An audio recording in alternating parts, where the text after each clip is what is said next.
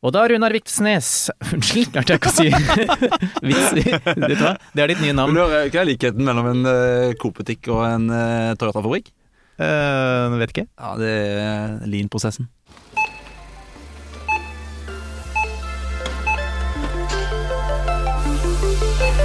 Hjertelig velkommen til Handlevogna, podkasten som tar på alvor at vi nordmenn er på verdenstoppen når det gjelder å gå i matbutikken. Vi handler mat så ofte at det bare er rett og rimelig at noen lager en podkast om matvarepriser, handlevaner og konkurransen i dagligvaremarkedet. Jeg heter Bendik Solum Wist og er bransjedirektør for dagligvare i Virke. Og Jeg heter Runar Viksnes, og jeg er sjefanalytiker i samme skjelvende organisasjon. Nei, vi skjelver ikke så mye som jeg gjorde nå. Det var bare for å lage en litt sånn eh, alternativ eh, start. Vi må jo variere litt, så ikke lytterne går lei av oss. Litt variasjon. Ja. Og når det er sagt, eh, Runar, vi har en liten handleliste i dag, vi. Ja, hva står der, Bendik? Du, i dag så får vi besøk av eh, det jeg vil klassifisere som eh, Nord-Europas eh, desidert hyggeligste svenske. Ja, altså, Vincent er et funn. Hvis alle svenske kjøpmenn er som Vincent, så er det jammen ikke rart at nordmenn har flokka over grensa for handle. Altså. Oi, brannfakkel. Dra inn grensehandel også. Ja, nei, men skal du handle hos Vincent, så slipper du faktisk å krysse grensa. Du kan, eh, ja det kommer for så vidt litt an på hvor du bor. Hvis du bor i Sverige, så må du faktisk krysse grensa til Norge, fordi han driver nemlig Coop Mega Kolbotn. En eh, svær matbutikk eh, litt sør for Oslo, som i fjor vant prisen for årets lean-bedrift. Ja. Ja, og Det betyr ikke at bedriften er lagd av lin eller tekstil, på noe vis, men snarere tvert imot at de er dødsflinke på å få alle de ansatte, uansett hva slags bakgrunn de har, til å fungere best mulig sammen. Fantastisk. Ja, ja, det er helt rått. Og i tillegg så er Vincent veldig hyggelig, så stay tuned for dette, kjære lyttere. Og så, Runar, når vi kommer til kassa, det er jo slutten av handleturen, da skal vi ha noe høyst kasserelevant eh, tematikk, Ja, fordi da, da skal vi skanne strekkoden. Ja, eller hva er det vi skal skanne i dag? Ja, eller den uh, nye todimensjonale koden. Kanskje til og med en QR-kode med et bilde inni. Oi, oi, oi, oi, oi. Ja, for det skjer ting på strekkodefronten, uh, og det skal vi snakke litt om når vi kommer til kassa. Men siden sist, Runar Viknes, du som jeg har omtalt som tallenes trollmann, grafenes greve, diagrammenes djevel, desimalenes Jesus. Mannen som alltid har med seg så gode stats at jeg utnevnte ham til handlevognas egen statsminister. Hva har du med deg av tall i dag? Ja, takk. Eh, Dette må jo da være et, eh, et kabinettmøte. Eh, For jeg har tatt med meg en interessant statistikk i dag. Denne uka så kom nemlig sammenligningen av prisnivå i Europa.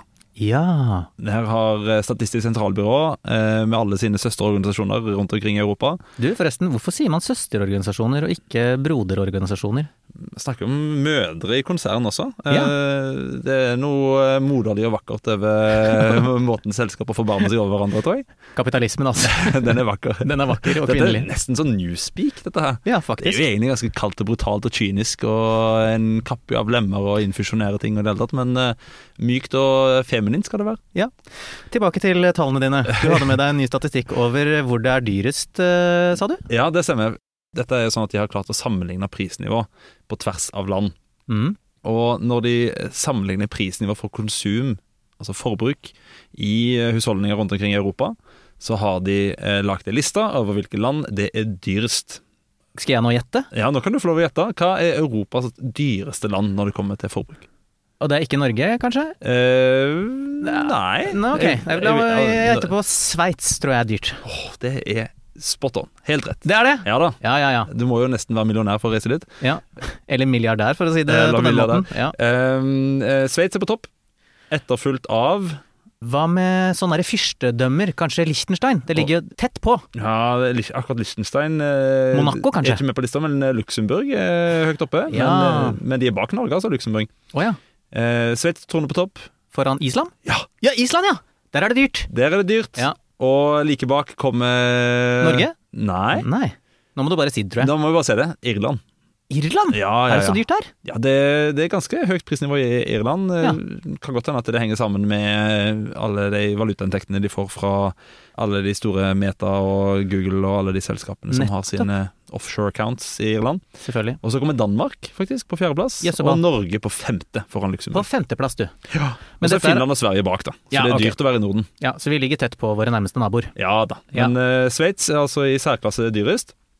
Dette var jo på totalen. Ja. Men når vi ser på mat Ja, for dette var bare generell konsumpris. ja, Det var konsum eh, på alt. Ja. Og vi skal se på mat, ja. Da ligger vel Hvordan ligger Norge an der, da? Ligger vi på topp, eller? Eh, Nei, vi gjør ikke det, vet du. Nei, ikke nå lenger. Nei, for vi gjorde det før. Åh, vi var verdens dyreste land for mat også, What? eh, fram til sånn 2013. Så det er tiårsjubileum siden vi ikke var det lenger. Ja, i ti år Hva har? Sveits vært dyrere enn oss. Ja, Hva Eh. skjedde etter 2013? Nei, vi har blitt stadig likere resten av Europa. Å, Ja, det, Men det går jo seint, da. Altså, vi er fortsatt eh, Norske matpriser er Altså, i denne sammenligningsindeksen så er vi 46% over gjennomsnittslandet i EU. ja. Men da har du også med deg en del land som har veldig veldig lave matpriser, og også lave inntekter. Ja. Sånn som Nord-Makedonia og eh, Romania og Polen og Bosnia-Hercegovina og sånn, som er Ja. veldig billige. Mm. Men eh, hvis vi sammenligner oss bare sånn rett over grensa til Sverige, f.eks., Mm. eh, så var eh, det sånn at norske eh, handlekorger var i fjor 28% dyrere med norske matvarer enn svenske. Mm. Eh, For ti år siden, da? For ti år siden 40% Å ja, ok, så, så avstanden til våre nærmeste naboer krymper. Ja. Ok, Så Det det er godt nytt for norske matkunder. Vi blir stadig likere. Ja. Og eh, ikke lenger dyrest i Europa heller. Nei. Så eh, ja, det, prisene øker, men de øker enda mer der ute. Så om glasset er halvfullt eller halvtomt, det kommer an på hva som er i det, si. Ja, Og jo lenger du venter, jo tommere blir det. Ikke sant. Nei, men du, da syns jeg kanskje vi skal si at det var nok eh, tall, og så får vi slippe inn eh, verdens, eh, eller i hvert fall eh, Nord-Europas hyggeligste svenske. Ja, la oss høre hva han har å si. Hjertelig velkommen til handlevogna Vincent Blom. Tusen takk, Bendik, Oerhørt trevligt å få være her. Ja, veldig hyggelig. Jeg gleda meg til dette. Du har eh, lang fartstid i Coop-systemet, der du tidligere har vært butikksjef på Mega på Bislett, eh, Mega på Tøyen, dagligvaresjef på Ops Jessheim, og så utenfor Coop så har du vært varehussjef på Maxbo Ås og Vestby. Og nå er du da tilbake i eh, Coop Mega Kolbotn, der du har vært med å vinne en pris. For et halvt år siden så vant dere den nasjonale prisen Årets Lean-virksomhet. Gratulerer så mye. Tusen takk. Det var en fantastisk anerkjennelse for et jobb som har blitt gjort av framförallt mine kolleger da, og gjengen vi er på Kolbotn. Ja. Så det var, nei, det var, det var stas. Ja, og i finalen så skjønner jeg at dere, dere slo ut både Bergen kommune og Mav Vestland, så det er ikke småtteri dette her for en butikk å vinne nasjonal pris. Nej, det, var, det er det ikke. Nei, Det her er vi oerhørt stolt over. ja, og vi skal komme inn på hva lean går på og sånne ting etter hvert. Men la meg bare sånn starte med å spørre what's your secret sauce, for å bruke et uh, dagligvarerelatert uttrykk? Det er ikke så hemmelig, egentlig. Hos oss er vi 58 ansatte nå. Og på de 58 ansatte så representerer vi 15 nasjonaliteter. Oi! Og vi har kolleger som eh, ingenjörsutbildning og vi har kokker med lang erfarenhet og lang utbildning. Och vi har kolleger som inte ens har gått klart grunnskolen, som eh, sliter med språk og andre ting. Og vi har de kollegene som har fysiske utfordringer. Så vi har en, et brett mangfold og det er jo en, ikke ikke noe som er unikt for oss, utan det her er jo en kompleksitet som gjelder for oss alle sammen. Mm. Og jeg tenker at hemmeligheten til hvorfor vi har eh, klart å lever, eller klart å, å vinne en sånn pris, og for at vi har fått det resultatet vi har fått, det er for at vi har, vi har funnet metodikk og, og en filosofi som klarer å ta fram styrkene i mangfoldet, da. og ta fram de, det potensialet som finnes i, i hver og en av oss. Ja, fordi det er jo veldig stor spennvidde i de du nå beskrev, som eh, du jobber med hver dag. Det er det. Og hvordan treffer man alle, då? Hur utfordrer man de som trenger det, og hvordan støtter man de som trenger det? Så dere har absolutt ikke noen one size fits all-løsning hos dere. Definitivt ikke. Nettopp, er snarere tvert imot. Ja. Du, um, altså Lean Forum Norge kåret dere altså til årets Lean-virksomhet i fjor, og jeg tenker dette er jo litt sånn gresk for folk flest, så kan ikke du forklare hva er egentlig Lean, annet enn fancy newspeak som ingen vanlige folk har noe forhold til? Lean er vel egentlig en metodikk eller en filosofi som gjør at vi med minst mulig ressurser klarer å skape mest mulig verdi. Og det med, med kontinuerlig forbedring i fokus. Vi skal være litt bedre i morgen enn det vi var i går, Ja. i allting vi gjør. Og det her er, det her er et arbeid der vi som, eller både ledere og medarbeidere jobber sammen da, for å skape verdier for, for kundene i- hos oss. Da.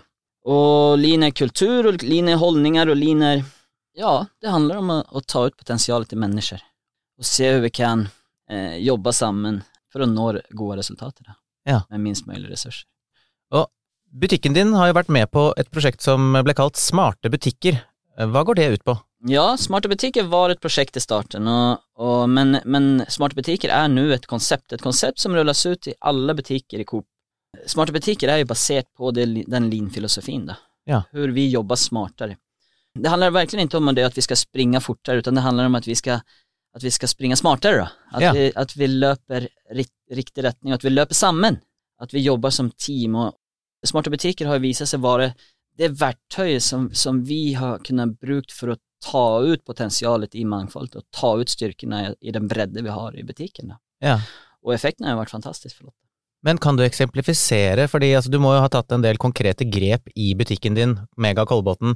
Eh, Kan du fortelle litt om altså, hva har dere gjort, og hvilken effekt har det hatt? Noen konkrete eksempler fra en helt vanlig dag? Ja, det, det finnes mange konkrete eksempler. Det er mye arbeid bakom det her. Men, men sånn, sådana saker som til eksempel at vi jobber veldig mye på tvers.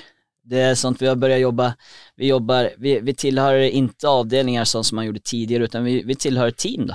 Ja. Vi jobber sammen, og och vi har veldig tydelige og klare beskrivninger for hvordan vi skal prioritere gjennom dagen. Mm. Men hvordan vi koordinerer, det må vi gjøre sammen. Hvordan jobber vi, og hvordan skal och hur vi, hur for vi denne dagen skal bli mest mulig effektiv og mest mulig bra for alle, da, for, å, for, å, for å komme i mål egentlig. Mm. Og det er veldig, veldig viktig for oss at vi, vi skal i allting vi gjør hos oss handler om at vi skal spille våre kollegaer god. Min viktigste oppgave er at du har en så fin dag som mulig på jobbet. Og om alle tenker det så får vi det veldig, veldig fint. Ja. Og vi, vi det er veldig viktig for oss å, å, minimere det her med stress og det her med press. Det, det å jobbe sammen på et sett som gjør at vi, at vi ikke behøver kjenne stress. Vi behøver ikke kjenne at vi ikke det, det jo et oerhört tøft å sitte og bestille varer til julen 2023 og vite at det her handler om mange, masse penger. da. Du vil ikke bomme på den. Nej. Men om vi är, om vi är tre, fyra stycken som gör de här tuffa sakerna, samman att vi, att vi, vi kommer överens om vad, vad är det vi vill, vad tror vi på det här, vad har vi för prognoser och sånt, ja då behöver du inte ligga och, och stressa med den tanken på kvällen att har jag gjort riktigt här nu. Fordi dere er flere som samarbeider om å bestille, rett og slett? Vi samarbetar om allt, Ja. så vi tar allting tillsammans då. Så det er flere skuldre å bære byrdene på? Ja, och då blir, då blir stressen borta. Ja. Och effekten av det är ju väldigt flott. Där ser vi effekter både på medarbetarundersökelser och på, ja, för kunder. Vi kommer litt tilbake til det kanskje. Ja, det gjør vi nok. Og, men uh, har du sett det liksom på ja, arbeidsmiljøet og, og sånn sykefravær, for eksempel? Ja, Påvirkes vi, det? vi, vi kan faktisk si at vi har nesten, det totale sykefraværet har nesten halverats de siste tre årene. Oi. Og det er noe som vi er uhørt stolte over. Og jeg er helt overbevist om at når sykefraværet går ned, så får man progresjon på, på alla nyckeltal egentligen. Mm. Men sen i hvilken ende man starter, er den gode frågan. Men det å skape en verdi for medarbeiderne og, og, og, vise at vi, du er viktig for vårt team, du er viktig for å bidra til, til dit vi skal for å nå våre visioner og våre mål. Og, så det er mye som, mye som spiller inn her, men det, men det bunner egentlig i det at vi, at vi skapar en arbeidsplass å være stolt over. Ja. Et, et, at vi gjør, en, vi gjør et jobb som, som, som er viktig for oss. Da. Nettopp. Men eh, hvordan har du som butikksjef og leder måttet endre din innstilling og kanskje lederstil underveis i dette prosjektet? Ja, Eller har du vært det selv 110 hele tiden? Nei, det har jeg definitivt ikke. Nei. Men uh, som du innledet, jeg fikk litt sånn har jeg, har jeg vært? har jeg gjort så mye, vært så mye i butikker? Men jeg har jobbet som butikksjef i, ti-tolv 10-12 år. og jeg har gjort det bra, Jeg vil mene at jeg har vært kanskje til og med veldig, veldig bra ibland. Mm. Så när vi börjar prata om smarta butiker och lean och, och det sättet att leda, där vi stoler på där vi inkluderar alla i, i driften då, Mm. så måste jag börja delegera bort. Så måste jag börja ställa mig lite utanför och se på och kanske bli en betydligt mer coachande ledare då. Yeah. Så, och det här var inte självklart och det här är inte självklart för alla. För det, det jag tror att de, vi allra flesta vill göra en god jobb. Vi vill alltid bli sett för en god jobb også. Mm. Vi vil bli sett for det gode vi gjør. Og når vi er tydelige med hva som, hva som forventes, og tydelige med målbilder og tydelige med hva, som, hva, hva jeg som leder forventer av deg, da er det ganske lett å gjøre en god jobb også. Og da blir det, da blir det en veldig god balans mellom det å, å, tørre å ta initiativ og tørre å, å, å delegera ansvar da. Så dag har jeg egentlig delegert meg selv litt overflødig. Men jeg jobber mer enn noensinne, så jeg elsker jobben min. Men det å jobbe jobba med forbedringsarbeid, det å jobbe med, att, med hur vi kan bli bättre imorgon, som sagt. Det, det, det, det syns jeg er oerhört inspirerende for meg da, og motiverer meg enormt til å, til å være på jobb.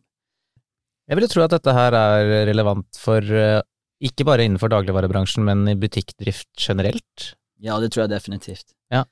Og igjen, det handler jo om mennesker. Det handler om å lyfte ditt potensial. Det handler om at du skal bli sett, og at du skal være delaktig i å nå våre mål.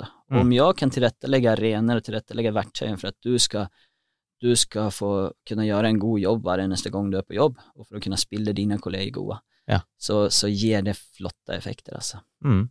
Du, hvordan har du fått de ansatte med på å endre måten dere driver butikken på? Så jeg vet at dere har noen sånne tavlemøter og et ukebrev og et Pareto-diagram. Kan ikke du fortelle litt om disse grepene deres? Ja, eh, tavlemøtene det er noe som er en stor del av det här, eh, av det her uh, linarbetet, det är att vi samles. vi samles på morgonmöten klokken ni hver eneste dag, og så har vi eftermiddagsmöten klockan sex. Men Alla ska vara med på det her og, og være en del av det. Og på disse tavlemøtene så ser vi på, på de, de nøkkeltallene som, som er viktige for oss i driften. Men framfor alt, eller vi ser på de nøkkeltallene som vi kan påverka, som Mm. alle kan være med og ta del av og alle kan være Altså kjenne at man er, man er delaktig. Og det her er ikke det, det er ikke så at man, at man kan delta, man skal delta. Vi skal være en del av det her alle sammen, og vi skal komme med, med tilbakemeldinger, og vi skal vi reflekterer enormt mye, da. Og det eneste vi vil, det er å skape en bedre arbeidsdag for dig. För när du får en bättre arbetsdag och får mer tid till våra kunder så, så ger det sig själv då. Mm. Och då blir det, då, då får vi med oss allesammans då. Vi är väldigt tydliga och eniga, vi, vi är oerhört resultatorienterade och vi vet vart vi ska. Vi har ett väldigt tydligt mål om vad vi ska varje eneste dag egentligen då. Vi bryter ner det, vi har långsiktiga planer men vi bryter ner det ner på dagnivå. Och när vi vet vart vi, skal ska, hur vi ska komma dit och vilka tiltak som krävs och allesammans är med på det, så har det gjort oss oerhört effektiva. Ikke sant? Og så skriver du et ukebrev til Ja. dine ansatte. Hva, hva skriver du der? Her følger vi opp viktige nyckeltal så at vi ser hvilken, hvordan det går. Men framfor alt så, vi reflekterer mye, og vi, vi sammenfatter sammen hva som gikk bra og mindre bra veckan, veckan som hadde gått Da. Men vi lyfter også mennesker da, og vi rosar veldig mye. Vi rosar gode prestasjoner. Vi kritiserer bare eller når vi kritiserer og når, vi, når det er saker som ikke fungerer, så gjelder, det- det alltid om prosesser og rutiner. Men når vi rosar da handler det alltid om mennesker. Vi gjør veldig, veldig mye bra i butikkene, og vi gjør mye bra, og vi kan mange ting sammen. Alle er gode på noe. Mm. Og det å kunne se mennesker og kunne løfte dem, har jeg veldig, veldig tro på. Og det å kunne å, å bli sett for, for, for gode prestasjoner. Det skal ikke rosas så at det går, så at det blir, går inflasjon i rosandet, men, men vi skal rose, vi skal lyfte hverandre, for da, gjør vi det med tilbake også. Det blir en sånn eh, effekt av det, at du, om du får ros og du blir sett og du blir anerkjent for en, en god prestasjon, så, så vil du ha mer av det. Ja. Og du vil gjøre, spille dine kolleger gode også. Vi er jo dyr egentlig, og når du skal lære opp en hund til hvordan den skal oppføre seg, så er det mer effektivt å gi den eh, ros og en godbit enn å gi den kjeft når den gjør noe gærent. Det er helt rett.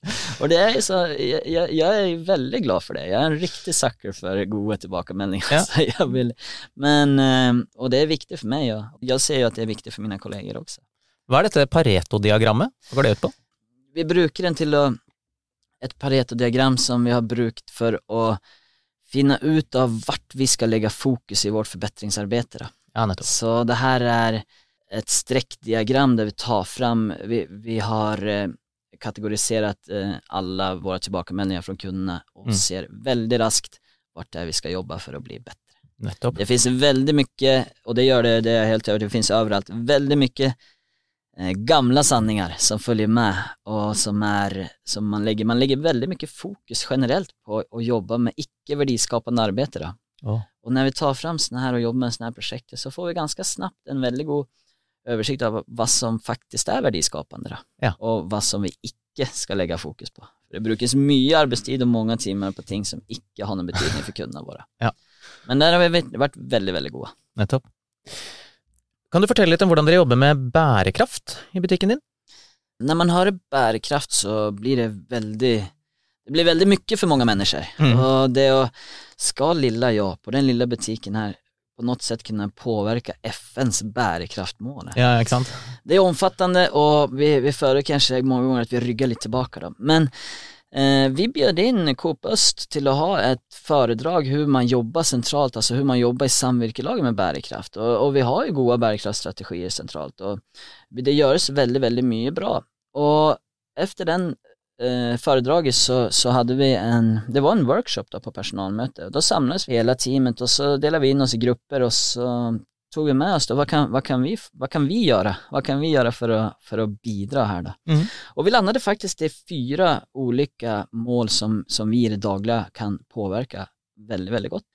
Jag menar ju att det är det personalmöte vi har haft störst engagemang av alla personalmöten jag någonsin har haft. Då. Ja. Så som sagt, det är inte alla som är väldigt upptagna av bunnlinjeresultater och det-bedrift och vad det nu kan vara.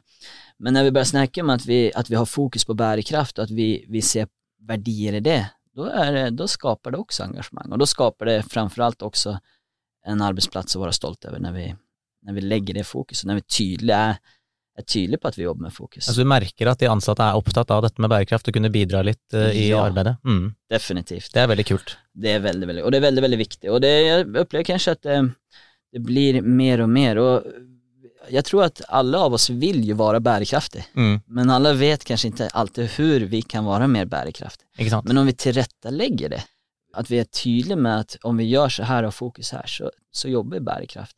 Och bärkraft handlar inte bara om, om miljö som, det handlar, som många, många kanske fastnar i, utan det handlar ju om, om hela spektrat och det handlar om att vi ska att vi ska vi har mycket, vi jobbar mycket med miljö och mycket med svinn och de bitarna där och gör ting som, som är väldigt flott. Men, men det handler jo om mennesker også, og det handler om å faktisk få en ekonomi i det her. Ja. Og det interesserer veldig mange. Mm. Jeg har lest at din visjon er å lage Norges mest fremgangsrike megabutikk. Ja, det må vi nesten si at du har fått til allerede. Og så lover du kundene dine landets råeste handleopplevelse, intet mindre. Men hvor rått kan det egentlig bli å handle melk og dopapir? ja. Vår vision är meget godt förankrad i vår ledargrupp og i, vår, i hele gjengen og alle medarbetarna. Eh, og jeg er helt övertygad om at man må sikta høyt for å nå langt. Den historik som butiken har hos oss och med det, det som har vært gjennom årene, gjør at det er en, en det er ingen utopi det her i det hele tatt. Nej. Utan dette her är reella mål alltså. Ja. Men eh, saken är den att det är ju vi som har lagat kriterierna för att bli Norges mest framgångsrika megabutik. Men vi är, vi är väldigt ambitiösa i målen och vi siktar högt och det här handlar om allt från fornøyde förnöjda kunder till eh, hur vi jobbar med sorteringsgrad till, eh, till söppelhantering och det, det handlar om allt det här. Så det här är väldigt, väldigt omfattande. Mm. Men dere vant, dere vant vel en intern pris i Coop også, i Coop Øst, gjorde dere ikke det? Eller Jo, vi ble, mest vi, populære butikken på Østlandet eller noe sånt nå? Ja, vi ble faktisk eh, beste butikk i Coop Ja. i, på Østlandet. Ja, så nok en gang Så- gratulerer. Vi er på pallen i, i landet også. Men det här är, den här visionen här, den er faktisk vi, Målbildet er, sier at vi skal være der i 2025. Ja. Så vi ligger tre år i forkant her. Okay, det så kult. det er litt kult. da. Ja. Men eh, vi skal levere landets råeste handleopplevelse, og det handler om å inspirere til, til både de här speciella smaksupplevelserna men också hur, kan, hur man kan jobba med, med det dagliga matupplevelsen, alltså den vardagliga, alltså det du spiser till på torsdag kväll. som Ja. vara lika viktigt som det du äter på lördagsmiddagen. Då. Ikke sant? Du, hvis du skal komme med noen tips til andre kjøpmenn og kvinner som ønsker å få litt mer schwung på butikkdriften sin, hva vil du si til dem? investera i dina medarbetare Ja. och ge dem, alltså skapa en arbetsplats och vara stolt över. Igen, jag tjatar lite grann om det, men, men det, är, att- det är att investera och skapa värdier och, och, och, och se till att dina medarbetare känner att de breddar sina CVn och att du blir satsad på. Vi har massor med, med möjligheter till att utbilda oss vidare och sånt. Där, men bygg på det. Ja. Investere i folka. Investere i folka. Ja. Det har alt å si. Nettopp. Jeg antar at det også er folk utenfor dagligvarebransjen som kan hente inspirasjon der. Invester i menneskene du har i sjappa di. Men eh, helt til slutt så har jeg et obligatorisk dobbeltspørsmål til mine gjester. Nummer én, hva er din favorittmatrett hvis du er gjest eller skal gå ut for å spise? Og nummer to, hva er din signaturrett hvis det er du som skal få gjester på besøk? Jeg var ikke så bra på det før, men nå når jeg er ute og spiser så tar jeg alltid noe jeg ikke har tatt förr. Oi, alltid! Så jeg prøver i hvert fall. Det skjer vel at eh, om, jag- om jeg er veldig sulten. Og for det meste går det bra. Det går ikke alltid bra, det skal jeg si, men jeg liker det meste, da. Og jeg syns tycker det er litt viktig å, å tørre å prøve, og tørre å, och pröva någonting som man ikke har smakt før. Så det, Nei, det, Det var inspirerende. Jeg jeg ender jo alltid opp med å ta den samme pizzaen når jeg er på min favorittpizzeria, men det er jo eh, Altså, den er jo dødsgod, men Ja. det er jo litt kjedelig, for jeg får ikke smakt på de andre. Ikke sant. Ja. Og det er noe ganske vanlig da Ok. Men jeg må bare nevne min, min frus carbonara, den er magisk også. Så okay. om jeg får velge matrett, så velger jeg alltid den. Nettopp. Men hvis du skal lage maten, da?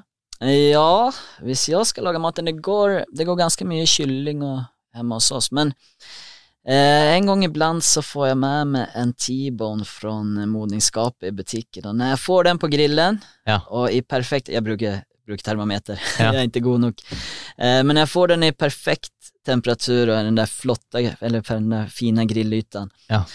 og, og så lyfter den av, og så på med noe, noe kryddersmør som får smelte utover biffen. Da er det jeg som står for magien. Det hørtes utrolig digg ut. Særlig fordi det, mens vi spiller inn dette er strålende sol ute og veldig bra grillvær. Definitivt. Så til inspirasjon, selv om eh, de nye kostrådene kanskje tilsier at man skal spise mindre kjøtt, så må man unne seg en T-bone i ny og ne. ja. Du, eh, tusen hjertelig takk for at du kom på besøk i handlevogna, Vincent Blom. Det er jeg som, jeg som takker, det er veldig hyggelig å få komme hit. Og da Runar Viktsnes Unnskyld, klarte jeg ikke å si Vet du hva, det er ditt nye navn. Hva er likheten mellom en uh, Coop-butikk og en uh, Toyota-fabrikk? Uh, vet ikke. Ja, det er lean-prosessen. Ja, For du visste at lean kommer fra Toyota? Nei. Å nei, det, altså det heter jo egentlig det opprinnelige navnet til lean. Det er jo Toyota Production System.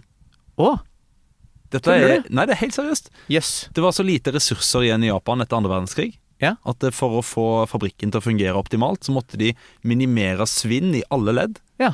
Og liksom drive med kontinuerlig forbedring. Og det å sende et produkt nedover samlebåndet som forårsaker en feil lenger nede, Ja, det er dyrt. er kjempedyrt. Nettopp. Og spesielt når du egentlig ikke har nok hjul til alle bilene du skal lage. Mhm. Så derfor eh, måtte de ha et system som sikra den kvaliteten. Har du hørt? Og det ble det som på 90-tallet, eller sent 80-tall, ble fanga opp av Vesten. ja. Og så kom det ut ei bok i 1990 som handler om eh, Toyotas metode. Ja. Og det spredte seg som en farsott. Ja. Og eh, ja, 23 år senere så har fortsatt ikke alle eh, relevante organisasjoner tatt det i bruk, men Nei. det er jo en grunn til at dette fungerer så godt. Ja. Artig. Ja. Men Runar Viksnes, hva har vi tatt med oss til kassa i dag? Slutten av handleturen. Du har tatt med det som du alltid legger på handlebåndet, nemlig strekkoden. Ja, for den skal skannes. Og i Sverige, der Ja. vinsten kommer fra, Ja. der skal strekkoden peke mot leseren. Hvis du, What? Ja, det er kutyme i Sverige. Hvis du legger varene med strekkoden feil vei relativt til handlebåndet, Får du kjeft? så får du litt sånn eh, Får du voksenkjeft? Ja, du får litt sånn voksenkjeft fra de bak i køen og de i kassa Oh. i det hele tatt. Det er vi ikke så drilla på i Norge. Nei, vi er ikke så lean Nei, i Norge. det er sant. Svenskene, ass, de har det. Men, Men- men strekkoden, den fyller 49 år i dag. Bursdag! Bursdag! Når vi sitter her. Når vi sitter her, er Gratulerer det- med dagen, kjære Ja. strekkode. Gratulerer med dagen. En uh, sprek og vital 49-åring Ja, som neppe blir så mye eldre. ok.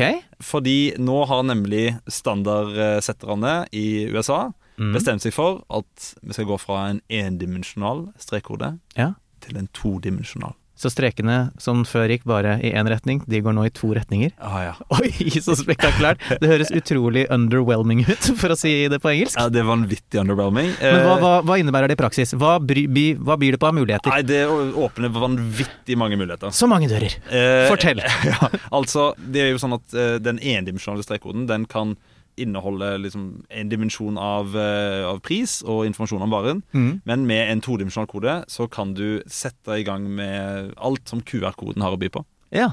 Og hva kan Eh, den by på, til nei. de som ikke er, eh, har kan mag i QR-kode? Det er eh, mulig å opprette digitale linker med det, så du kan sende brukerne ut på en, en reise i digitale opplevelser. Du kan Ja. finne produktinformasjon, du kan finne videobeskrivelser og ting. Ja. Du kan eh, lagre veldig mye mer informasjon i en 2D-kode. Ja. Men vet du hva annet eh, det kan brukes til? Nei. Som jeg leste akkurat her nå? Det er jo hvis f.eks. et produkt holder på å gå ut på dato, så kan eh, brukeren som har kjøpt, eller unnskyld, kunden som det heter, Mm. få beskjed via en app. Bare sånn at nå har du kjøttdeig i eh, kjøleskapet ditt som eh, rett og slett går ut på dato, så du må få spist den snart, eller putte den i fryseren, f.eks.